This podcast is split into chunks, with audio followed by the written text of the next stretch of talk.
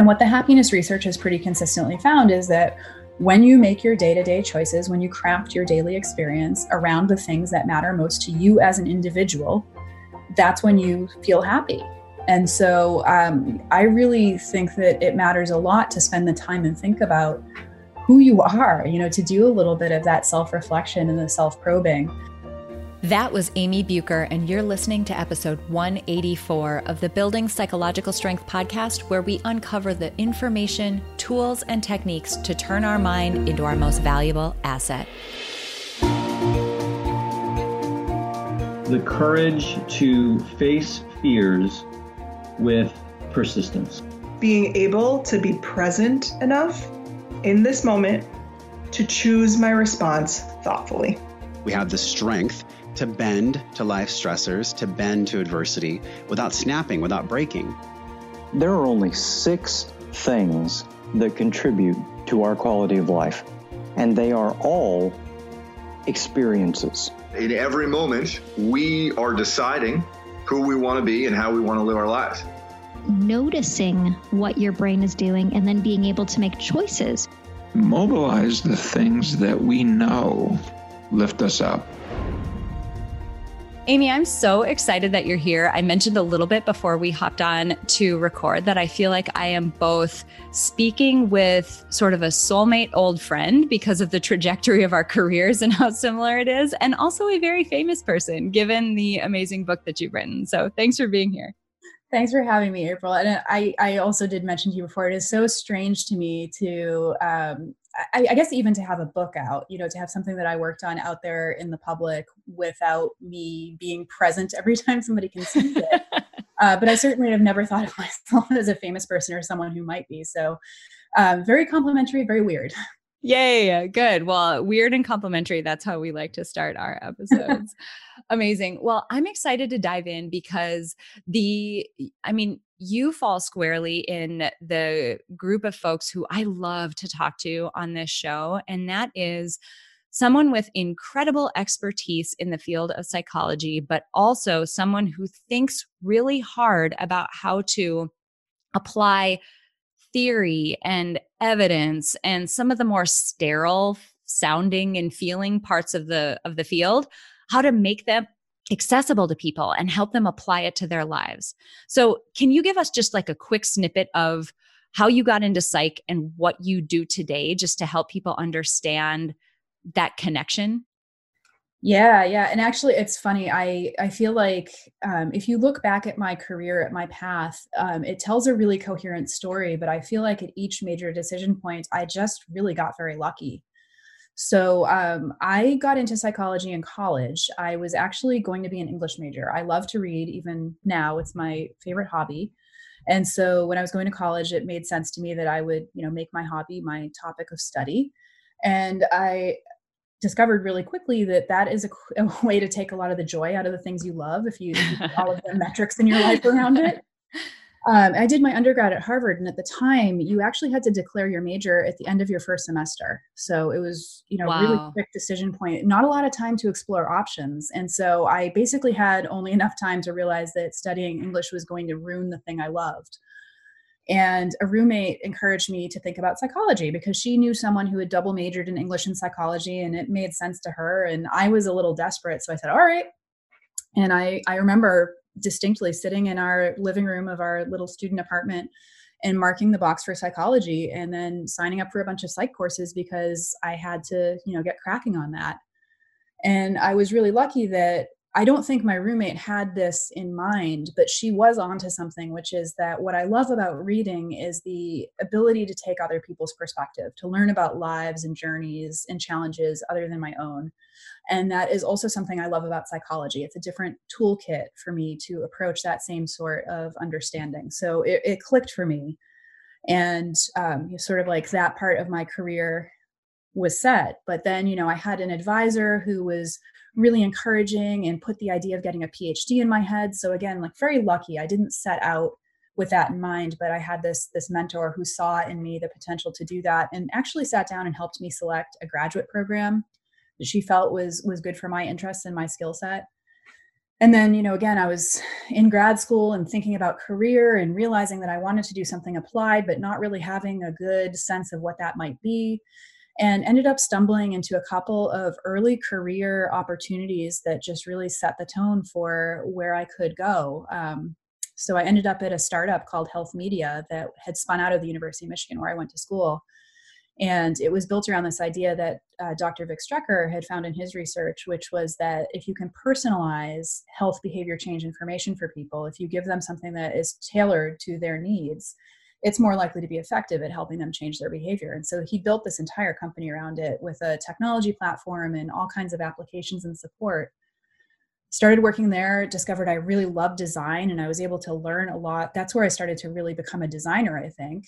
And um, johnson and johnson acquired the company. So i was exposed to all of these really amazing career opportunities and again just really lucky serendipitous to have been in the right place at the right time with the right people who um, you know gave me the opportunity to start to do all this great learning and now today i work for madpow which is a design consultancy we're based in Boston and Portsmouth, New Hampshire. And a lot of the work that I do is talking with clients about healthcare and financial services and the types of behaviors that they're hoping to have. You know, it might be patients or, um, you know, members, customers, the types of behavior changes that they want to help people make. And then doing the research to discover what the context is for that behavior change. And then ultimately designing some kind of intervention to help people get to those goals.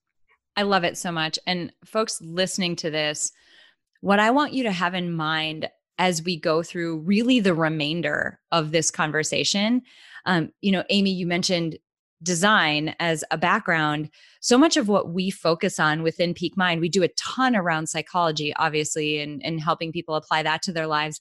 But we take this approach of life design. So the same you know the same exact process that you use to figure out how do we make this app or this digital product or this whatever engaging for people or personalized or unique to the goals that they might have that exact same process we use that within peak mind to help people make meaningful changes within their lives. So folks listening to this i want you to think about that as we go through the rest of this episode because amy's got background in and expertise in some really useful frameworks and theories in psychology that really help power that process. And is really the foundation of so much of that work that we do, even though we may not use the same language and the same words as we're going through that within Peak Mind. This is where a lot of that is based. And so I'm really excited to be talking to one of uh, the main, you know, experts in this in this area. So this is awesome. Um, I'm wondering if we can take a quick turn because in some of the work that you do, you know, I'm I'm I would say halfway, I would say through your book. Um, it's been so fascinating for a lot of reasons uh, in the work that I do. But you focus on something called self determination theory. And it sounds like psychologists do. We write in a way that makes everything sound extremely boring and inaccessible. And so, of course, we name it self determination theory, right? Instead of as exciting as it actually is under the covers of what it can do for your life. Can you tell us a little bit about that theory and why it's so critical in how we think about motivating people's behaviors or even even where our own behavior might come from? Yeah, and I, am smiling because you're right. It's a terrible name in terms. It's one of my favorite theories to work with, not just because of how useful and effective it is, but because it really speaks to me and speaks to the way that I want to think about living my own life. But it has this very, um, you know, very academic sounding name that I don't think does it justice in the general public world. And I I also have to laugh because when I talk about self determination theory and people are interested in it, the place I send them is selfdeterminationtheory.org. So it's like, here's the, here's the technical name with a .org domain, but oh, that man. is a great resource if you want to learn more. They um, they keep a really nice repository of the research on self determination theory. So there's two two major parts to it that I keep in mind when I'm using it to think about a design problem, and you know, again, turning around to my own life at times. So, the first is that when we think about being motivated, we don't want to necessarily just think about high or low, you know, are you motivated, yes or no? You want to think about what is the source of that motivation. And they call it motivational quality. But the idea is that there are some types of motivation that are stronger and more enduring than others. And those are the motivations that connect to something that's really personal to you. It might be your values, it might be a goal that you have that's important to you. It might be the type of person that you think of yourself as, so your your sense of identity. The types of motivation that are a little bit less effective, especially when something is hard or requires a lot of time and persistence to accomplish, are what they call controlled forms of motivation. And that tends to be external to the person. That's when someone's told you what to do or you're doing something in order to get a reward. Um, you know, those things can get people started down a behavior change path. But if you're looking at a lifelong change and you expect that you're going to encounter obstacles along the way, which realistically we usually do, you really want to try to think about what matters most to you and can you create a narrative that ties these behaviors to those values or those goals because that's what's going to keep you going when the going gets tough to be able to look back at that story and say, hey, I'm doing this hard thing because it helps me with something that really matters. And then the second piece that is very helpful when I think about design is that along the way, you want to try to create experiences that feed your basic psychological needs. And doing that is going to basically give you the, the oomph to keep keep engaging with the hard thing. And so those basic psychological needs are autonomy or having meaningful choice, and as a designer that's that's a really useful thing to think about is how do i give people opportunities at various junctures to say what matters to them and then to actually provide that to them to give them meaningful choice in their experience as opposed to just imposing on them what i as the designer think might be the best thing um, it's also competence so wanting to learn and grow and lately, I've really been thinking about the image of throwing a stone into a pond, right? When we do that, we see the ripples in the water as a result of the stone hitting the surface. And I think similarly, that's the way that we go through life. We want to see that the things we do in the world create ripples in the pond. And seeing that gives us a sense of accomplishment. It, it helps us feel that we matter, that, that our experience matters. And so, again, when we're designing experiences or products, how do we give people opportunities to see that the efforts they're making matter in some way? And then the third one is relatedness, which is feeling like you belong to something larger than yourself. And I think this one makes a lot of intuitive sense to people because we're such social creatures. Um, you know, be, being part of a relationship or a community is really essential to feeling like, like our day-to-day experience is important and fulfilling. So, again, looking for opportunities, whether it's actually through connecting people to each other. There's definitely times in my design career where you know we're creating a, a, social networking opportunity for example or we're pairing people with a mentor those sorts of things can can work. But we can also do a lot even with technology or with the content we create to reflect back to people that you know we hear you we see you and you matter in that relationship type of way. So those those are the two big things with self-determination theory is understanding what motivates people and really trying to understand that in a very personal and meaningful sense and then once we get into the design component, trying to support them in those basic psychological needs so that they can keep on track with the behavior that is hopefully supporting a meaningful motivation. Tell me if this sounds like you. I'll finally be happy.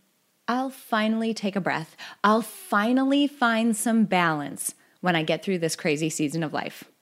We hear that from so many people, and the fact is, many times, life is just a crazy season. All of it between your career, your family, your community obligations, attempting to have a social life, and trying to fit in self care, whatever that is, we end up feeling stretched so thin. Now, I want to challenge you to think about things differently. Rather than focusing on external circumstances and their impact on your happiness, your sense of ease and balance, and your mental well being, what if instead you focused on something you can actually control? What if you built the psychological strength that would allow you to thrive through life when things are going well and even when they're not? What if you could feel less scattered, more in control, less anxious, more peaceful and joyful? We want that for you too. That's why we are so beyond excited to announce the beta release of our signature psych strength building program, Ascend. This program combines evidence based tools, techniques, and information from the fields of psychology and life design to focus on three important modules you, your mind, and your life. Learn your unique combination of strengths, values, and identity, and the ways in which they interact and lead you to approach life in your unique way. Dig into your mind to understand the conscious and subconscious processes that act as a lens through which you experience life. And finally, Harness the power of life design to begin to steer your life into alignment with who you uniquely are. Enrollment in this beta round of Ascend is open now, and because it's our beta round, the price is astonishingly low. So if you have ever had even a suspicion that you could benefit from building psychological strength through a guided, science backed experience, now is the time. Visit www.peakmindpsychology.com backslash ascend for more information and to join us. Friends, it is time to build psychological strength. It's time to live by design and not by default. It is time to live like your life depends on it because it does. Join us in Ascend by visiting www.peakmindpsychology.com backslash ascend. That's www.peakmindpsychology.com backslash ascend. I love it. That's such a good that's such a good explanation. And it makes me think about um, this is going to be a bit of a, a left turn comment to make, but I swear it's related. There was a blog post by a woman named, I, I might butcher her last name, but Bronnie Ware, and she was a, a palliative care worker. She worked with people who were at the end of their life and she talked to them. This blog post is called The Regrets of the Dying. And they had some shockingly common regrets that they spoke about. And one of them is that they regret not living authentically as the person who they truly are. They regret instead living in a way that aligned to what they thought other people wanted of them and this is really echoing in my mind as you're explaining both you know these these sources of motivation being external versus internal because when we live in alignment with what other people want of us and it's not actually who we are, that's there's some dissonance, there's some friction, there's some yuck there. So this is so related. And then two, when we actually are honest about who we are, honest about what we value and what we enjoy doing and what we don't, and what we're willing to commit to and what we aren't, um, that friction tends to go away. There tends to be a little bit of a a lift. There's a weight taken off of us. Um, I'm wondering if you've ever thought about it in the realm of just I guess day to day life experience and and how different that can be for people if they're focusing on external versus internal motivation. Yeah, I've actually spent a lot of time thinking about this. Um, and it's not, I, I love that you made that comment because I don't think it's something I really talk a lot about in the book. So I don't know that you would have even known this. But a lot of my interest is in happiness and how do people experience happiness? What makes people feel happy? And a lot of the work in that area that I found most compelling is specifically focused on authenticity. So it, it connects back to self determination theory in the sense that for both through both lenses, you really want to understand what values you have, like what matters to you individually. And it will be different from person to person, even though there's other research that shows that there are some universal values. You know, most people have some kind of value around family, some most people have some kind of value around professional accomplishments or work or whatever that means in their life, but the specifics of it are very individual. And what the happiness research has pretty consistently found is that when you make your day to day choices, when you craft your daily experience around the things that matter most to you as an individual, that's when you feel happy. And so um, I really think that it matters a lot to spend the time and think about who you are, you know, to do a little bit of that self reflection and the self probing. Um, and it, you know, it feels frivolous sometimes. I think that we live in a world where we are seeing a lot of injust, injustice and really serious um, fundamental issues that um, you know it can feel very sort of like i don't know very privileged to be able to say like we need mm-hmm. to sit mm-hmm. down and reflect on ourselves and what matters but the exercise of doing that lets us make decisions in the day to day that i think better equips us to help out with some of those bigger societal issues if that's what we choose to do if that's what our authentic self is so i, I think it is really important to do that and um, you know lends itself to that experience of living a happier life I love that you went there. That's amazing. And two, the the sort of peeling back of the layers of who you really are and understanding yourself at a, at the core. One, people don't do it again because you exactly as you said it feels frivolous it feels like it's indulgent it feels like maybe it's selfish to be spending that time when there are quote unquote more important things you could be doing but another mm-hmm. thing that i notice about you know folks who we've worked with in the past within peak mind is that at the beginning a lot of people feel like oh yeah i know this oh yeah i already know i know but it's not until you intentionally dig in, okay, let's go step by step and then start to put things together.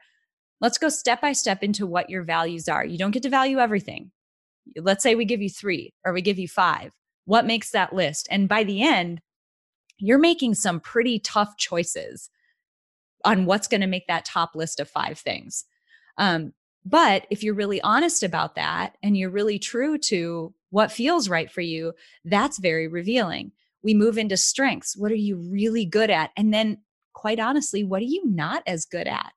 And where I find some interesting things happen is when you get people to start looking at the interplay between them because a strength in communication might show up very differently for somebody who you know values achievement and values checking off goals and whatever versus somebody who values community eh, you know as their number one thing.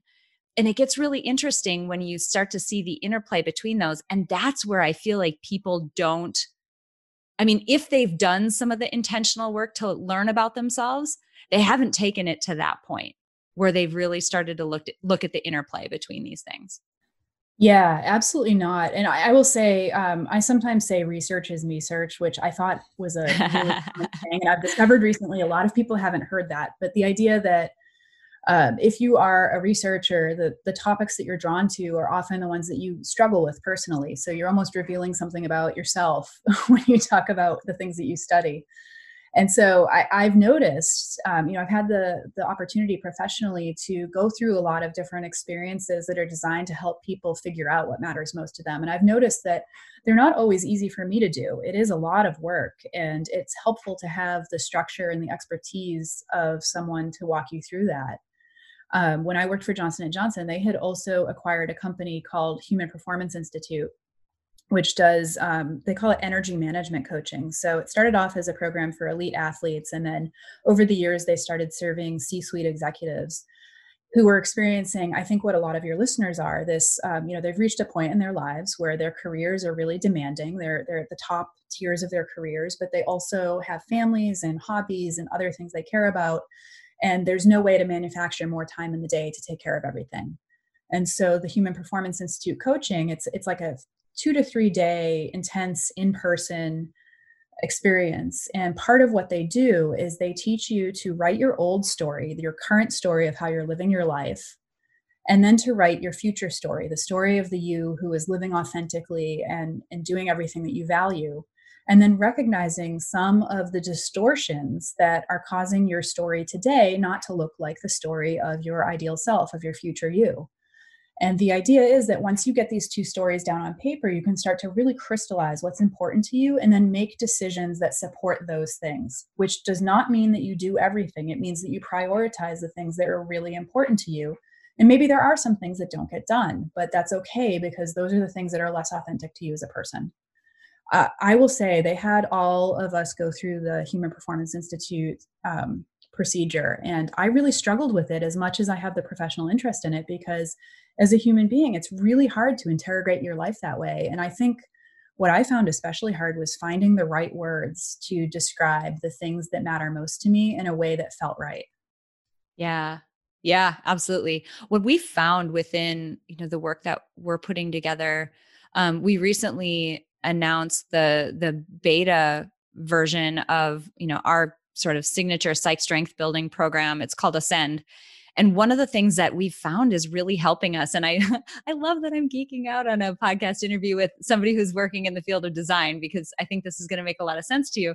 Um, we've pulled in a ton of sort of design thinking methodology where we're using things like Mad Libs and we're using um, just some very visual techniques where you start to see connections that you wouldn't have seen before because you can't do it unless it's down on paper or you can't do it unless somebody you know asks you to draw that line and now draw this other line and how do these things look different to you and so it's been really fun to take people through these different sorts of exercises that you wouldn't necessarily do if you sat down say to journal it wouldn't be something that you would probably think to do if you were going to sit down and journal. Um, but it's been really fun to to take people through that.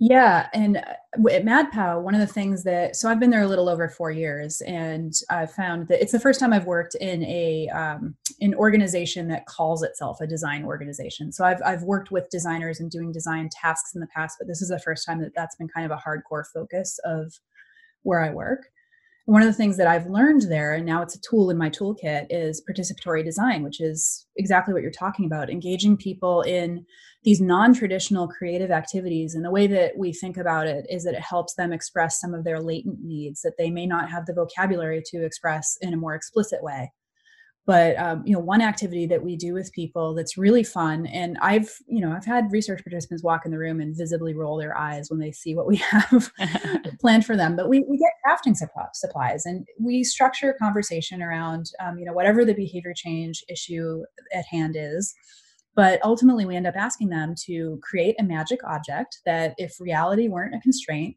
would solve the problem that we've been we've been talking about. And what we find is when they go through this exercise and especially when they talk to us about you know what their thought process is in putting their object together we start to see patterns and themes and we start to learn things that people wouldn't be able to tell us if we were just asking them like you said to journal or you know answer a straightforward interview question and sometimes the insights from it are actually pretty straightforward. Like one thing that we've learned um, consistently in doing these sorts of activities with health behaviors is people are often looking for positive feedback. They feel like they're, um, you know, making a lot of effort and they are not getting recognized at individual choice points when they do the quote unquote right thing. They're basically being judged on the sum total at the end of the day. Did you come in under your calorie mm. goal? Did you get mm. enough steps? And so we we hear consistently from people like, okay, I missed my step goal at the end of the day, but I also went out on my lunch break and did a walk around the parking lot when I could have just surfed the web. And nobody congratulated me for that. Nobody recognized that I did a hard thing in that moment and had a small success. And so that's a learning that we've taken forward when we make design choices. Like, how can we find opportunities to congratulate those small positive progress points, regardless of what happens with the larger goal? I love that too because there's um we don't realize just as we're moving through our day this is something you and I connected on a little bit before we started recording how much involuntary and I'll say both behavior and cognition and I'm I'm using a very broad definition to cognition happens during the day that influences our experience. And some of the things that we love to dig into and teach people about because you don't realize it until somebody points it out and says, There, that's when it happened, right there. Are these biases that we have of the type of information we tend to focus on, the type that tends to just go and happen outside of our awareness? And we don't do a great job, not everyone, but a lot of us don't do a great job of keeping track of our wins throughout the day. We tend to notice if somebody criticizes. We tend to notice if we fell short of something, but we don't tend to place a lot of emphasis around when we've done something amazing. We sort of achieve and then it's on to the next. And we don't focus on that enough. It's it's been actually Ashley Smith, my business partner with Peak Mind, she has her patients uh, who come to her for therapy track their wins on a daily basis and they're always shocked at how much ends up on that list on a daily basis because we just don't even see it. So those biases and those cognitive processes that sort of run in the background that completely color our day-to-day experience, I love that you're bringing them to the forefront and even if the person can't explicitly tell you, I wish somebody would have congratulated me, man it feels good in that moment to have someone point it out if you would have just blazed right past it as you live your life. Yeah, yeah, absolutely. And I mean, I think about it. We know from research that negative information outweighs positive information and how much, um, you know, we perceive it, we feel it. And so I, I hear that finding and I just think of so many different ways that can be applied, like whether it's in your personal life and making sure that the people you love know that you appreciate them. Like they need to hear a lot more thank yous than than criticism. Or if you're a manager, you know, pointing out the wins that your employees are are having day to day. And then designing programs, like I design a lot of things that have feedback, and it is very easy to focus on sort of the ultimate clinical metric Mm-hmm. And so we need to be really mindful about how can we find opportunities to help a person feel like they're making progress. And especially when they're first starting out at something and they don't have the confidence or the um, you know the reassurance that whatever they're doing is going to be effective in the long run we really need to think about how do we help people feel good and recognize the progress that they're making i love that do you have tips for people about how they can I guess how they can become a little bit more intentional in the way that this is such a broad question, but in the way that they live. So, you know, you mentioned again before we hopped on to record a project that you recently did that was around renters insurance and it was sort of a you know a, like it's an insurance project. Like this isn't um maybe on the surface level the most interesting topic, but it ended up being meaningful to you because you made intentional choices about your own insurance that you hadn't made in the past and you get a sense of peace from that. There's a million behaviors and decisions or indecisions that we make in a daily basis that we pay no attention to. Do you have any tips from the work that you've done about how to get people to notice those moments a little bit more, to think about them a little bit more, to intentionally act or decide a little bit more. Any tips there?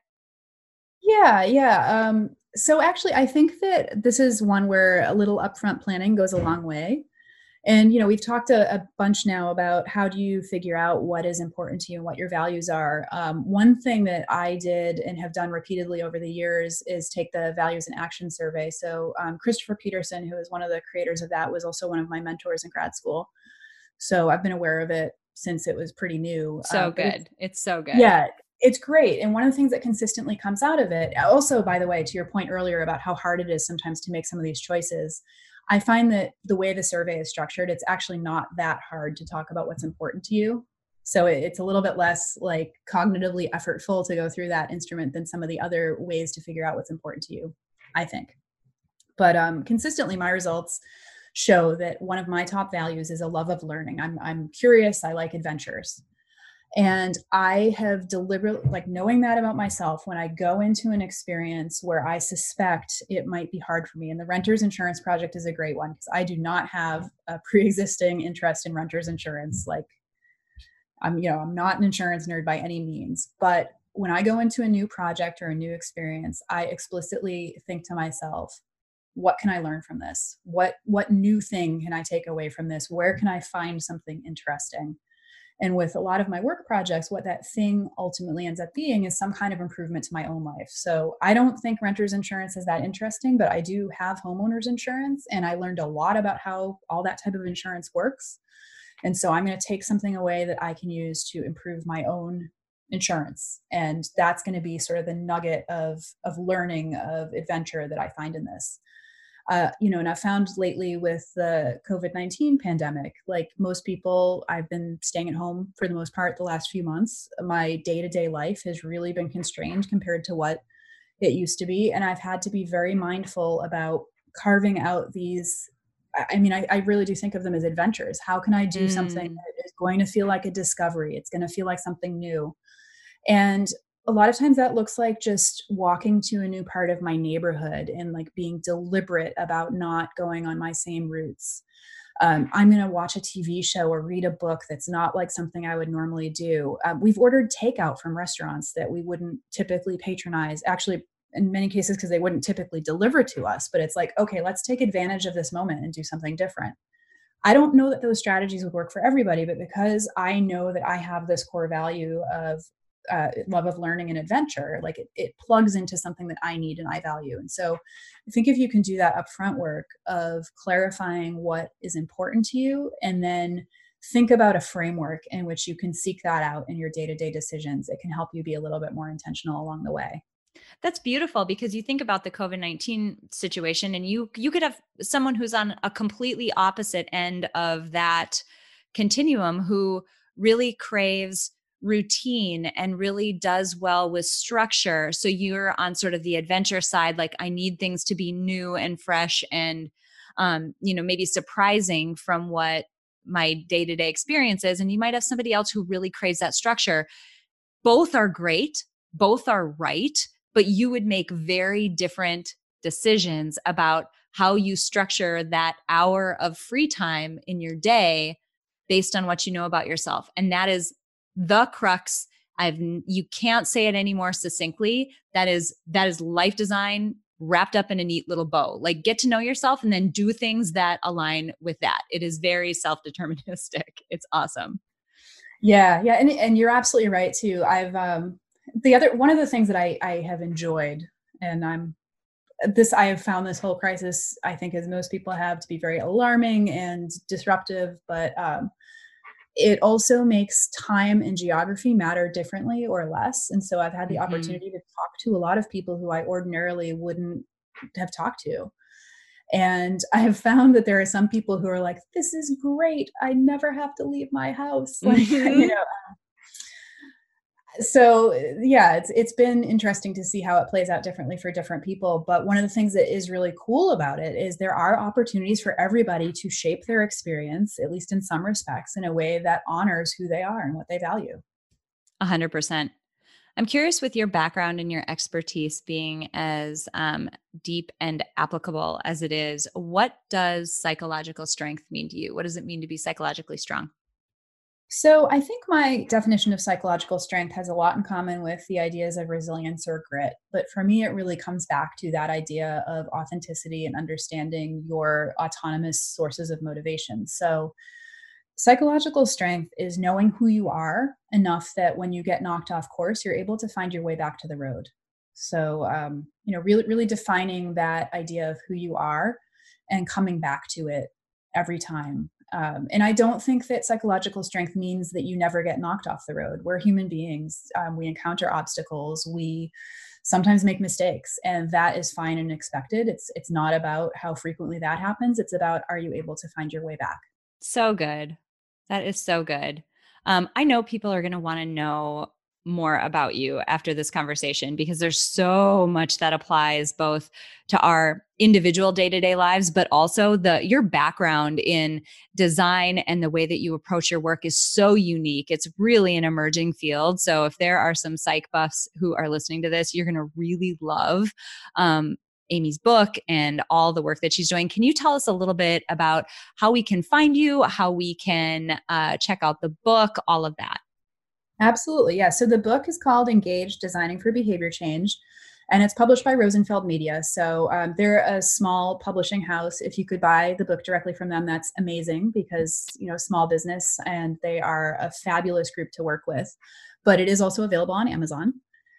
And um, I blog at amybucherphd.com. I basically took a break from it for about a year while I wrote the book, but I'm trying to be more active now that I don't have a major writing project at, at going back frequently to that site.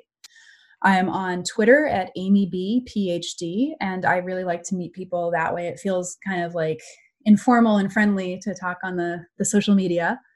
And I work for MadPow. So we're at madpow.com and you can see some examples of our work there. And we have an insight section where we also have, um, you know, there's some white papers that I've helped write, and there's some work that my colleagues have posted about that participatory design technique that I mentioned as well. So if that caught your interest, there's some resources on madpow.com. Amazing. And we'll make sure that we link all of that up uh, in the show notes description. And if you're listening to this on your phone, you should be able to scroll down on whatever platform you're on and get all of those links. So feel free to link directly to any of those amazing resources that Amy gave us. And you also mentioned that uh, your publisher might have a little deal for us. Yeah, um, they are usually very happy to make a promo code, um, and typically that's for a 20% discount. Actually, now that I've said it on the recording, it will be for a 20% discount. so they don't get a choice anymore. But if you purchase directly from Rosenfeld Media, the promo code will will be good for a 20% discount. Amazing. So we'll make sure that we have all of that in your episode description and on your show notes page as well. So if you're interested in the book, like I mentioned, I'm halfway through. It is awesome um, you absolutely could apply this both to your work. I don't care what kind of work you do. It would really, the principles and the information in that book would apply. And also, if you just come at it with the mindset of how do I apply this to my own life, 100% the book applies. So I would highly suggest anybody check it out. It's a really great resource. Um, Amy, this has been awesome. I'm so excited to have met you, and I'm really excited that we made this happen. I was one of those people who was just like, "This lady's really cool, and she's doing really cool work, and I'm just going to reach out to her on social media and see what happens." And you, here you are. So, thank you for being willing and for being open to share your expertise and your background with us. This has just been awesome. Yeah, well, and I want to thank you too because I, on the flip side, and this is why I love social media and Twitter so much, I feel like I have learned so much from you, and I'm really excited now to have this podcast in my life. And you've mentioned some of your previous guests and things, and so I feel like I have tapped into this treasure trove that I might not have known about otherwise. So thank you very much. Yay! Thanks so much. It's a simple fact that nearly everyone in the world could benefit from building psychological strength, but not everyone will put in the time and effort to do so, but today you did. Thank you so much for listening to this episode of Building Psychological Strength. Now, if you're interested in building the mental toughness, confidence, and resilience you need to thrive through life's ups and downs, visit us at www.peakmindpsychology.com. Also, if there's someone in your life who could benefit from this episode, please share it with them. And if you yourself found this episode valuable, meaning if you took away even one insight that you can use to build psychological strength in your own life, we would so appreciate it if you would drop us a rating and a review on iTunes. The thing is, the more ratings and reviews we have, the easier it is to get this powerful and important content out to the people who need to hear it. Remember, your mind can be your most valuable asset or your biggest liability, and you get to choose. So choose wisely, my friend. And I'll see you next time on Building Psychological Strength.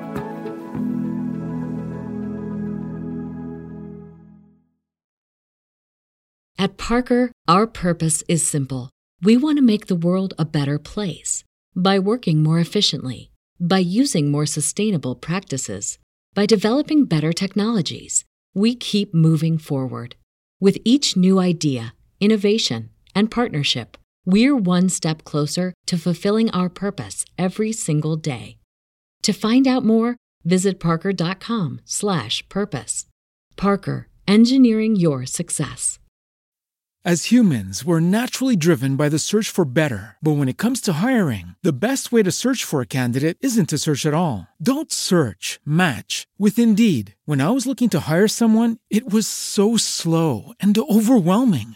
I wish I had used Indeed. If you need to hire, you need Indeed. Indeed is your matching and hiring platform with over 350 million global monthly visitors, according to Indeed data, and a matching engine that helps you find quality candidates fast. Ditch the busy work. Use Indeed for scheduling, screening, and messaging so you can connect with candidates faster. And Indeed doesn't just help you hire faster. 93% of employers agree Indeed delivers the highest quality matches compared to other job sites according to a recent Indeed survey. And listeners of this show will get a $75 sponsored job credit to get your jobs more visibility at Indeed.com slash podcast. That's Indeed.com slash podcast. Terms and conditions apply.